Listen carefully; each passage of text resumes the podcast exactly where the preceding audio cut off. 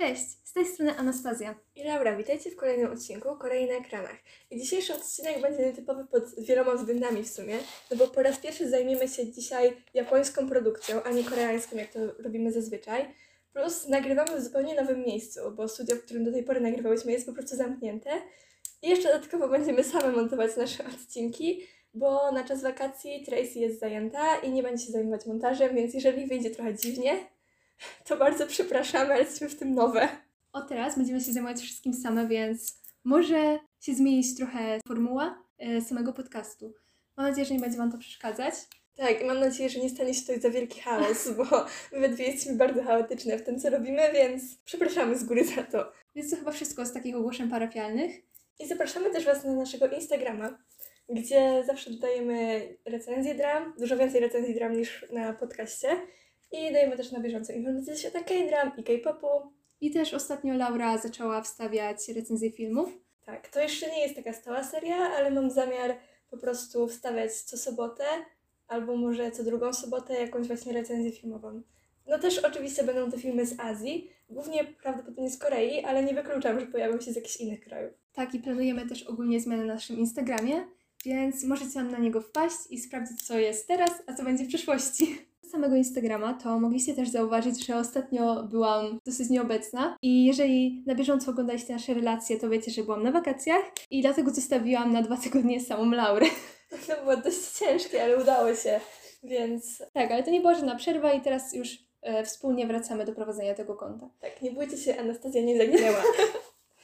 Dobrze, więc tak gadamy i gadamy, a w sumie nawet nie powiedzieliśmy, jaką dramę dzisiaj będziemy omawiać. Więc dzisiaj się zajmujemy dramą japońską Alice in Borderland. Ja w sumie nie spodziewałam się, że zrobimy coś o japońskiej dramie tutaj na podcaście, ponieważ ja nie przypadam za japońskimi produkcjami. Oglądałam ich już kilka, ale większość mi się po prostu nie podobało, albo było takie w miarę okej, ale wolę jednak koreańskie. A ta drama bardzo mnie zaskoczyła, bo jest naprawdę bardzo dobra i pod względem fabuły jest inna niż japońskie produkcje, które do tej pory widziałam. Mi się ogólnie kojarzy ta drama z takim z dramą amerykańską, ogólnie serialami amery- amerykańskimi i jest mi się wydaje, że ogólnie typowa dla Azji. Tak, ale ma bardzo podobny vibe do Sweet Home, bo tutaj obie dramy są post-ako... post-ako... Apokaliptyczne. Pozapokaliptyczne, Laura. Dokładnie. I No. jakby są inne, ale jest w nich coś takiego podobnego i w sumie wyszły też w podobnym czasie, bo obie w grudniu tamtego roku, jeżeli się nie mylę. Tak, obie wyszły w bardzo podobnym czasie i dodatkowo główny bo, sensie główni bohaterowie obu tych dram są podobni, nawet z wyglądu. No tak, trzeba też wspomnieć, że obie dramy są od Netflixa. I mi się wydaje, że obie, w sensie Sweet Home jest na podstawie webtoona, a y, Alice in Borderland jest na podstawie mangi, więc też jest na podstawie, obie są na podstawie czegoś. No, ale obie są bardzo dobre moim zdaniem. Tak. I jakby to nie jest w żaden sposób powtórzenie albo to samo, po prostu mają ten sam vibe, o to nam Tak. nie chodziło. W ogóle porozmawiajmy o fabule. Tak bezspoilerowo, żeby przedstawić fabułę, to na pewno trzeba powiedzieć o głównym bohaterze, który nazywa się Arisu. E, I taka ciekawostka, że Arisu to japoński odpowiednik Alice, no i to się oczywiście odnosi tutaj do tytułu i odniesienia się do Alice in Wonderland, czyli Alicja w Krainie Czarów. Więc Arisu jest grany przez Kento Yamazakiego, przepraszam za czytanie nazwisk. Y, I Arisu jest samotnikiem, a swój wolny czas dzieli między graniem w jakieś gry online i spotykanie się ze swoimi jedynymi przyjaciółmi, czyli Chotą, granego przez Yuki Morinaga i Karubę. No i sam Chota wywodzi się z biednej rodziny i pracuje w korporacji, natomiast Karubę pracuje w jakiejś tam barze, ale został właśnie z niego zwolniony przez romans z żoną właściciela. No i ta trójka przyjaciół w dziwny sposób trafia do opustoszałego Tokio, gdzie muszą się zmierzyć z brutalną grą, gdzie stawką jest ich życie. No tak, to w sumie bardzo dobrze to przedstawiłaś. I to jakby nie jest jedyny wątek tej Tak. dramy. To nie jest tak, że jedynym wątkiem tej dramy jest sama walka o przeżycie, bo jest tu masa pobocznych wątków, które bardzo dobrze się ze sobą łączą. Też same gry mają różne typy i od nich zależy jakby co będą musieli bohaterowie zrobić, jakie wyzwania przed nimi stoją. I też mają różne stopnie trudności. W ogóle też warto wspomnieć, że tutaj te gry są jakby ich poziom trudności, ich rodzaj jest ustalany na podstawie kart. Tak, przez całą dramę przewija się w ogóle motyw kart do gry. I tutaj mamy rozpisane w ogóle, że karta pik, czyli tak zwane wino, e, jest grą na wytrzymałość, ogólnie gra fizyczna. No więc kolejną kartą, która się tutaj pojawia jest trap, czyli tak zwany żołądź. I tutaj są to gry po prostu typu zespołowego, grupowego, gdzie jakby postacie, które się znajdują na arenie, muszą razem współpracować, żeby przejść tą grę do końca, no i żeby nie zginąć, a dostać wizę na kolejne kilka dni. Trzecim rodzajem kart jest oczywiście karo i tak zwany dzwoneczek. I on tutaj głównie odnosi się do takiej logiki i rozumu, czyli że trzeba rozwiązać gry na podstawie myślenia, a nie na przykład biegania czy wytrzymałości. Bieganie czy wytrzymałość. Dobrze, no i ostatnim już z kart, jak można się domyślić, jest Karo i jest to po prostu tak zwane serce. I są to gry, w których po prostu trzeba zdradzić swoich przyjaciół albo... No współgracze ogólnie. Tak. I są to najbardziej emocjonujące gry i też odcinki, w których te karty się pojawiały, były najbardziej emocjonujące. Bo działo się najwięcej. Tak mi się wydaje. One były najciekawsze ze wszystkich, przynajmniej dla mnie. No tak, bo właśnie tutaj grały bardziej na emocjach niż na takim, nie wiem, właśnie wytrzymałości, takich bardziej jakby czynnikach zewnętrznych. Tak, tutaj jakby bohaterowie musieli podejmować bardzo trudne decyzje. I to, co chciałam powiedzieć jeszcze o samych grach, to areny, na których były one zorganizowane, były zawsze bardzo dopasowane do bohaterów. W ogóle całe te gry były tak skonstruowane, że pasowały do jakby bohaterów, które znalazły, znaleźli się akurat na arenie i to sprawiało, że było ciekawie. To nie były jakieś tam gry, że no dobrze, teraz biegniemy, ale w sumie no nieważne, wszyscy biegną. Tylko jakby były naprawdę dopasowane i przemyślane. To nie były takie proste gry. One były spersonalizowane do danej osoby albo do danej grupy ludzi, żeby właśnie jak najbardziej ich dobić. No ogólnie chyba chodziło o to, żeby jak najwięcej osób zginęło. Takie trochę igrzyska śmierci to były. No to już chyba wszystko, co możemy powiedzieć tak bezspoilerowo o fabule i o wątkach, które tutaj występują, ale chciałam jeszcze powiedzieć coś o intrze, bo było bardzo ładnie zrobione i mi się osobiście podobało. Było takie azjatyckie. Było czuć Azję tak ogólnie. Nie cytuj moich słów. Tak, bo właśnie oglądałyśmy z Laurą te intro, żeby sobie przypomnieć i komentarz Laury był taki, hmm, czuć Azją. Tak coś mi przyszło do głowy. No i jeszcze, jak już jesteśmy przy takich właśnie Technicznych. Tak, to chciałam jeszcze powiedzieć, że większość scen była nagrywana na green screenie i dzięki temu, Bo można uzyskać ten efekt pustego Tokio, bo chyba nie mogliby po prostu wykupić części Tokio, no bo jakby, no to jest chyba jedno z najbardziej zatłoczonych miejsc na świecie, więc byłoby ciężko, ale też podziwiam tutaj pracę aktorów, ponieważ widziałam w making of, że niektóre z scen były nagrywane częściowo po prostu w terenie, tak, w miejscach, w których nagrywano, a częściowo na green screenie, więc na pewno było dużo cięższe dla aktorów niż takie po prostu nagrywanie sceny w jednym miejscu od razu, bo jakby musieli dwa razy wczuć się w tą samą scenę i jakby ukazać te same emocje. tak, i też bardzo mi się podobały tutaj stroje. Ogólnie zamysł jakby stroi kąpielowych w pewnym miejscu, które się tam pojawiały, to, to było dosyć ciekawe. Tak, takie nietypowe trochę. Bo mamy tutaj Tokio, opustoszałe, walka o życie i stroje kąpielowe. Jakby w sumie wygodne, No tak. ale nie chroni za bardzo. No, a Biorąc tam- pod uwagę, że muszą walczyć o własne życie. No właśnie, i chyba tam nie jest aż tak ciepło. Raczej No, nie. no chyba, że lato. W sumie nawet nie wiadomo, jak jest, jaka jest tam temperatura, skoro to jest jakiś inny wymiar w sumie. Tak, bo właśnie Chociaż- nie, nie wiadomo, co to jest w ogóle za miejsce dokładnie. Wiadomo, że to jest Tokio, że jest opustoszałe, ale nie wiemy, czy to jest prawdziwe Tokio, czy jakiś alternatywny Tokio. Nikt nam tego nie tłumaczy. Może dowiemy się tego w drugim sezonie, który prawdopodobnie będzie. Chyba już jest Tak. to potwierdzony. Tak na pewno jest potwierdzony i chyba będzie w następnym roku w ogóle. No ja na pewno będę oglądać. Serial podobał i mam zamiar oglądać drugi sezon, więc jak już mówimy o drugim sezonie, to może teraz przejdźmy do oceny, bo za chwilę zajmiemy się częścią spoilerową. Ja się zastanawiam bardzo, bo jak oglądałam tę dramę, to oglądałam ją w sumie, obejrzałam ją w sumie z jeden dzień, może trochę więcej niż jeden dzień, chyba zaczęłam jednego dnia wieczorem i skończyłam drugiego dnia. I bardzo mnie wciągnęła ona i ogólnie podczas oglądania bardzo mi się podobała, ale teraz po czasie już trochę mniej mi się ona podoba. Nie ma się do czego doczepić tutaj w tej dramie, ale nie jest też najlepsza produkcja, jaką widziałam, więc myślę, że takie 8,5. Ja się zgadzam z Laurą, bo właśnie podczas oglądania tego bardzo się mocno wkręciłam. Ja to niestety oglądałam tydzień chyba przez szkołę, ale wciąż bardzo mocno się w nią wkręciłam i cały czas w sumie o niej myślałam. Jednak teraz, po chyba kilku miesiącach od obejrzenia, nie czuję już tego hypu i myślę, wydaje, że nawet pozapominałam niektóre rzeczy, więc też myślę, że 8 na 10. No, ja to oglądałam jakiś taki miesiąc temu, a sporo rzeczy zapomniałam. Chociaż takie ogólne wrażenie i ogólna Podobało nam się, tak? Tak, Ogólnie polecamy. Tak, polecamy zwłaszcza jeżeli e, lubicie takie klimaty postapokaliptyczne i też osobom, którym się spodobało Sweet Home, myślę. Tak, i też to jest typ na przykład Igrzysk Śmierci. To jak lubicie takie klimaty, to pewnie Wam się spodoba. I myślę, że też osobom, które nie wiedzą do końca o co chodzi w japońskich dramach, to ta drama może być dobrym początkiem. Dobrze, coś jeszcze chciałaś powiedzieć?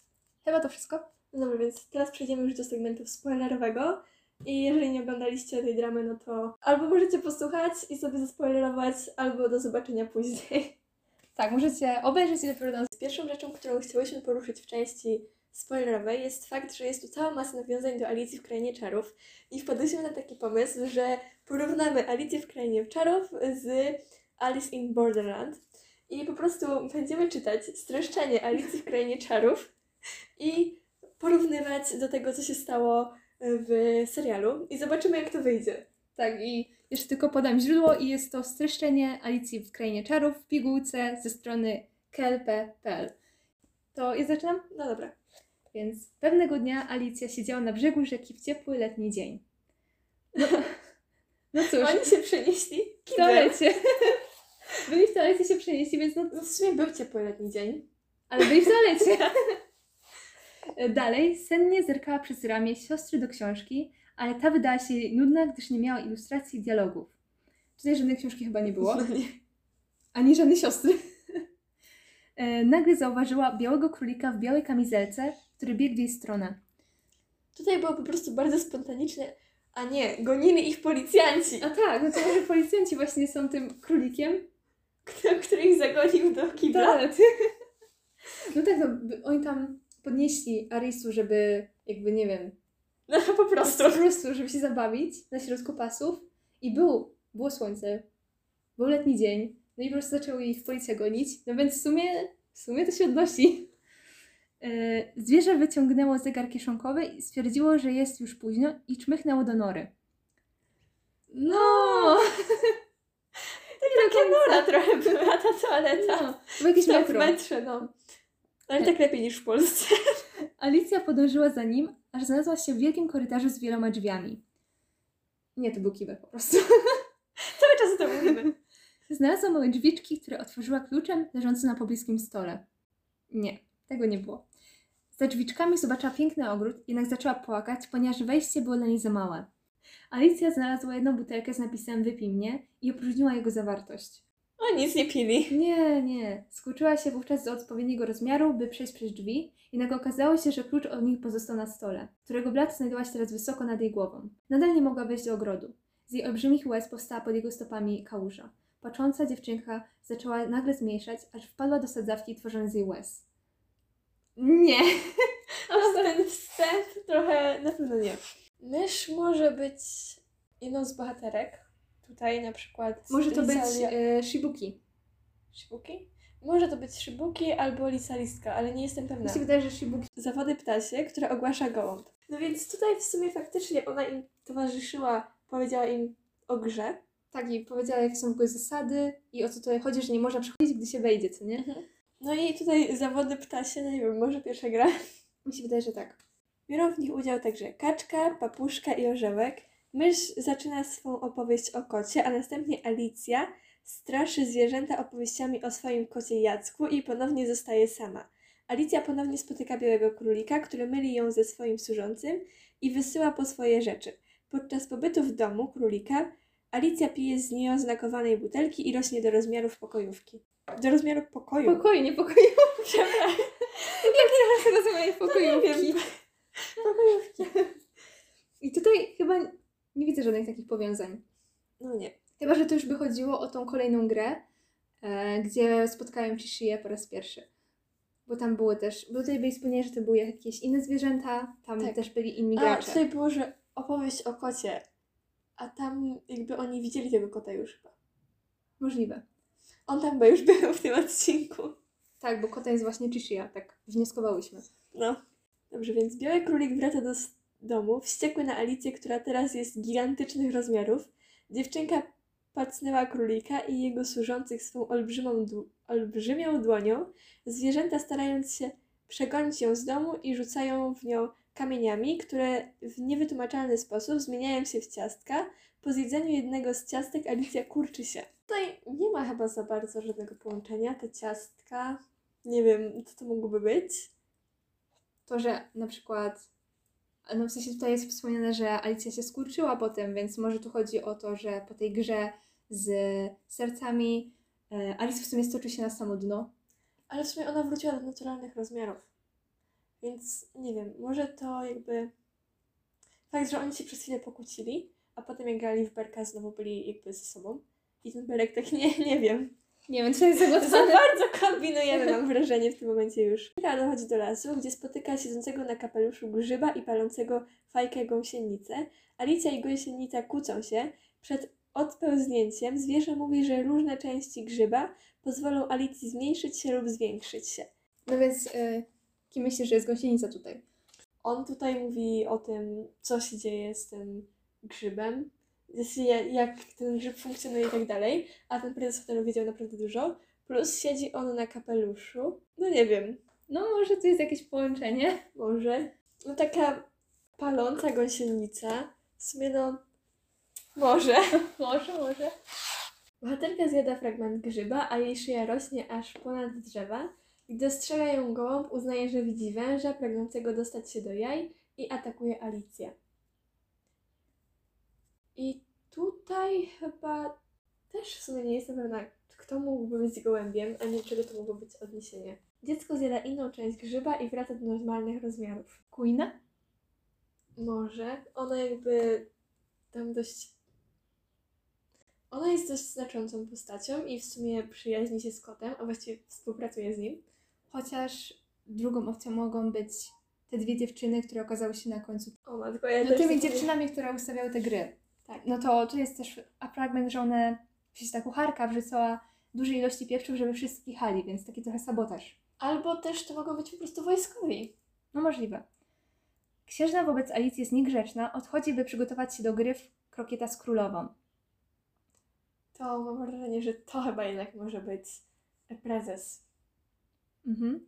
Opuszczając pomieszczenie, wręcza Alicji dziecko, które okazuje się świnką. No w sumie oni mogli tam zostać, teoretycznie mieli schronienie, ale tak naprawdę oni dostali niską rangę, musieli tylko chodzić na te gry. Tak. I w sumie nie wiadomo, czy w ogóle udałoby im się jakby wyjść stamtąd kiedykolwiek, bo oni byli numerem jakimś tam dalekim. To jest w sumie taki jakby niechciany prezent, który został wciśnięty tobie, ale go nie chcesz.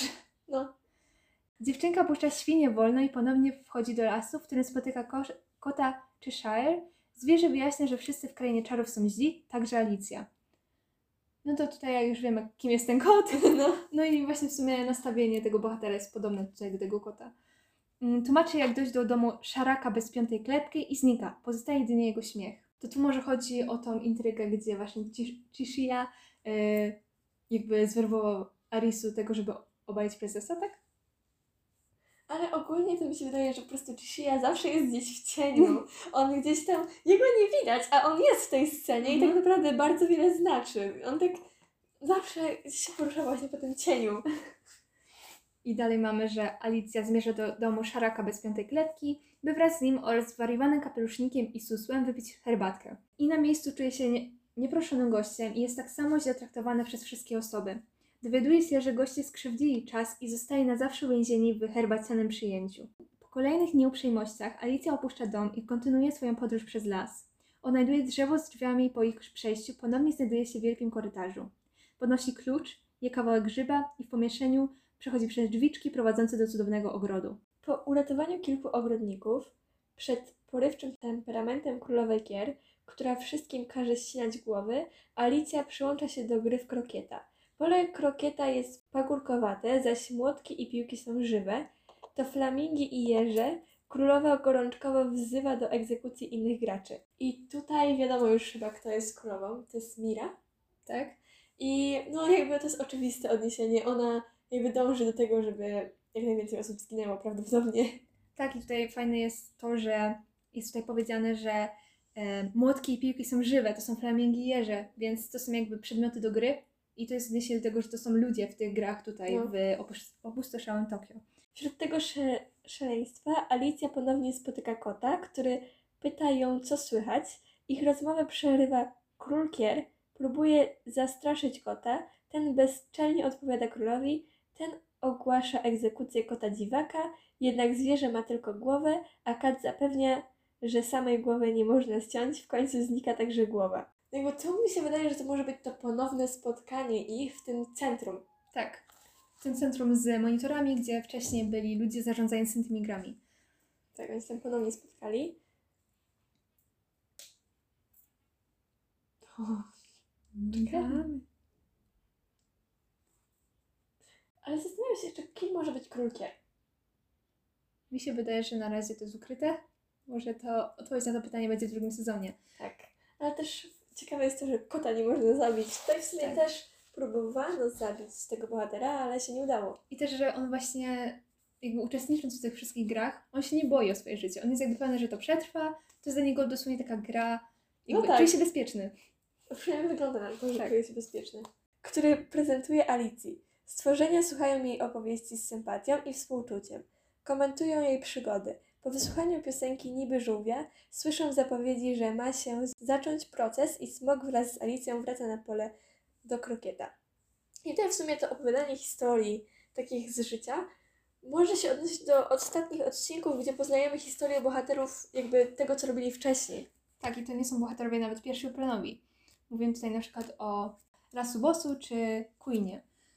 Tak, ich historia w sumie zostaje opowiedziana podczas ich walki. Tak? I jakby obydwie te historie są smutne, z tym, że jedna z tych osób chce wrócić do tamtego świata, a druga nie. Mi się wydaje, że też więcej tutaj metafor się wyjaśni po obejrzeniu drugiego sezonu. Bo Tak, na razie no jakby- mamy niepełną historię. Tylko połowę. Waletkier jest oskarżony o próbę ukradzenia królowej cia- ciastek. Występowanie Waletkier jest oskarżony o próbę ukradzenia królowej ciastek. Postępowanie prowadzi król Kier i odbiera zeznania od różnych świadków. Zeznania zwariowanego kapelusznika nie mają sensu, a kucharka odmawia zeznań. Biały królik pełniący funkcję herolda wzywa na świadka Alicję. Śledztwo króla do niczego nie prowadzi. Biały królik jako dowód przedstawia list Waleta. List okazuje się wierszem, który król interpretuje jako przyznanie się do winy Waleta. Alicja twierdzi, że list jest nonsensowny i protestuje przeciw interpretacji króla. Królowa jest na nią wściekła i zarządza ścięcie dziewczynki, jednak ta rośnie do normalnych rozmiarów i przewraca królewską armię z kart. Mi się wydaje, że tutaj powinno być nienormalnych rozmiarów. Już ostatni fragment. Nagle Alicja odkrywa, że śpi na brzegu rzeki z głową położoną na kolanach siostry. Opowiada jej swój sen i idzie na podwieczorek. Zaś jej siostra zastanawia się nad przygodami w krainie czarów i przyszłością swojej siostry. I tutaj w sumie ja też miałam przez pewien czas oglądania tej dramy taką teorię, że to jest tylko sen, albo że to dzieje się w podświadomości tego bohatera, że nie wiem, być może coś się stało, jakiś wypadek czy coś takiego. Więc wciąż nie ma odpowiedzi na to pytanie, bo nie wiadomo, co to tak naprawdę jest. Źle. Jeszcze chciałabym poruszyć wcześniejszy fragment, który czytałaś na temat właśnie tego postępowania, kto ukradł ciastka, bo mi się wydaje, że tu chodzi o już tą ostatnią grę, o Wiedźmę. Tak, kto, kto jest wiedźmą? Tak. Która w sumie była najbardziej drastyczną grą z wszystkich, tak mi się wydaje, bo po prostu chodziło w niej o to, żeby zabijać osoby, a tak naprawdę chodziło w niej o to, żeby nie zabić nikogo, żeby po prostu spalić ciało już ofiary. Tak. Jakby ona popełniła samobójstwo, więc to było takie smutne, że wystarczyło pomyśleć i można było uratować tyle osób, ale tak naprawdę wszyscy mieszkańcy plaży zachowali się po prostu jak dzikie zwierzęta. No tu głównie to wojsko zarządziło to morderstwa, że po prostu jeżeli nie mogą wymyślić, kto jest tą wiedźmą, to po prostu zabiją wszystkich, spalą i ktoś tam się znajdzie. To trwało sekundę. Oni tak, ty jesteś wiedźmą? Nie. Ty jesteś wiedźmą? Nie. Nie, kurde, nie wiem. No właśnie tutaj e, w tym przytoczonym fragmencie, w streszczeniu e, Alicji, tutaj próbowano myśleć, tu próbowano interpretować jakieś wiersze, coś tam się działo, a tutaj w Alice in Borderland oni nie pomyśleli nawet, tylko po prostu zabić wszystkich. A czy w sensie były osoby, które próbowały myśleć? Jedna z bohaterek, która zresztą kiedyś była policjantką, nawet zebrała ten nóż i zebrała z nich odciski palców i dzięki Mhm. temu odkryła, e, że popełniła ona samobójstwo, więc no jakby nie wszyscy byli tacy, o, hura, zabijajmy. Ale mi się wydaje, że tutaj to może być ten król Kier. No i właśnie co do tego czy to jest sen, czy co to jest, no to właśnie nie wiemy. Ale sam tytuł sugeruje, że to jest Borderland, czyli border to jest granica, więc gdzieś na granicy czegoś, tylko no nie wiemy czego. No nie wiadomo, czy wciągnęło ich do gry, czy faktycznie to jest podświadomość, sen, czy może Mira ma taką władzę, że dała radę po prostu odgraniczyć Tokio od reszty świata, wywieźć stamtąd ludzi, a ich zostawić i jakby podanego faktu, dlaczego ona postanowiła to zrobić. Się wydaje, że to będzie w drugim sezonie. Bo jak na razie to można jakby wnioskować, że chce się na czymś takim zemścić, ogólnie na ludziach, w takim razie wszystkich, albo robić to dla zabawy, nie wiem. No właśnie nawet nie wiadomo do końca, czy to jest wszystko jakby prawdziwe, czy, czy to czasami ta Mira nie jest po prostu uosobieniem złego. To jest jakby wszystko takie niedopowiedziane. Ta granica może być granica między właśnie snem a rzeczywistością, co by odnosiło się do Alicji, a może to być granica między śmiercią a życiem, no nie wiadomo. Tak, tutaj też sam jakby nasz bohater główny ma takie trochę problemy egzystencjalne wcześniej, bo on nie chodzi do pracy. On gra w gry w sumie, a jest już dość... No, No dorosły, tak. I w sumie nic nie, osiąg... nie osiągnął żadnych takich e, celów w życiu swoich. W sumie nawet ich za bardzo nie ma. Tak, on po prostu chce grać w gry i nic go więcej nie obchodzi. No nie tyle, że po prostu chce grać w gry, po prostu nic go nie obchodzi. Jakby gry zajmują mu czas, mam wrażenie. Mi się wydaje też, że on się tak po prostu zamknął, ponieważ jego rodzice na niego wywierali nacisk, żeby on właśnie coś robił w życiu, żeby kimś był, jak jego brat, a on nie chciał i po prostu skończył przy graniu gra- On się, mam wrażenie, załamał po prostu po odejściu matki. Widać, że on jest bardzo inteligentny. Mam wrażenie, Tak. że jest bardziej inteligentny niż ten jego brat, który odnosił sukcesy. Ale no po prostu z jakiegoś powodu też nie uczył się. Bo tutaj widać, że on nie skończył żadnej szkoły, Mhm. więc no po prostu się załamał. I jakby być może to jest jakaś taka jego, wytwór jego własnej wyobraźni, jakaś tego jego samoterapia, że tak powiem, żeby w końcu mieć jakiś cel. On sobie po prostu radzi jak może w tym momencie. No teraz po prostu walczy o przetrwanie, wtedy po prostu egzystował, jakby po Tak. prostu trwał. Coś jeszcze mamy do powiedzenia? Chyba nie.